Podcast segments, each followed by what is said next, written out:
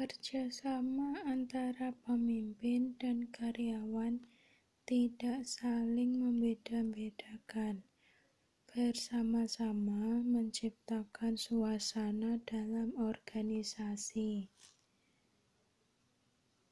Menjadi nyaman sehingga kesertaan dan keserasian di dalamnya semakin meningkatkan kinerja organisasi tersebut.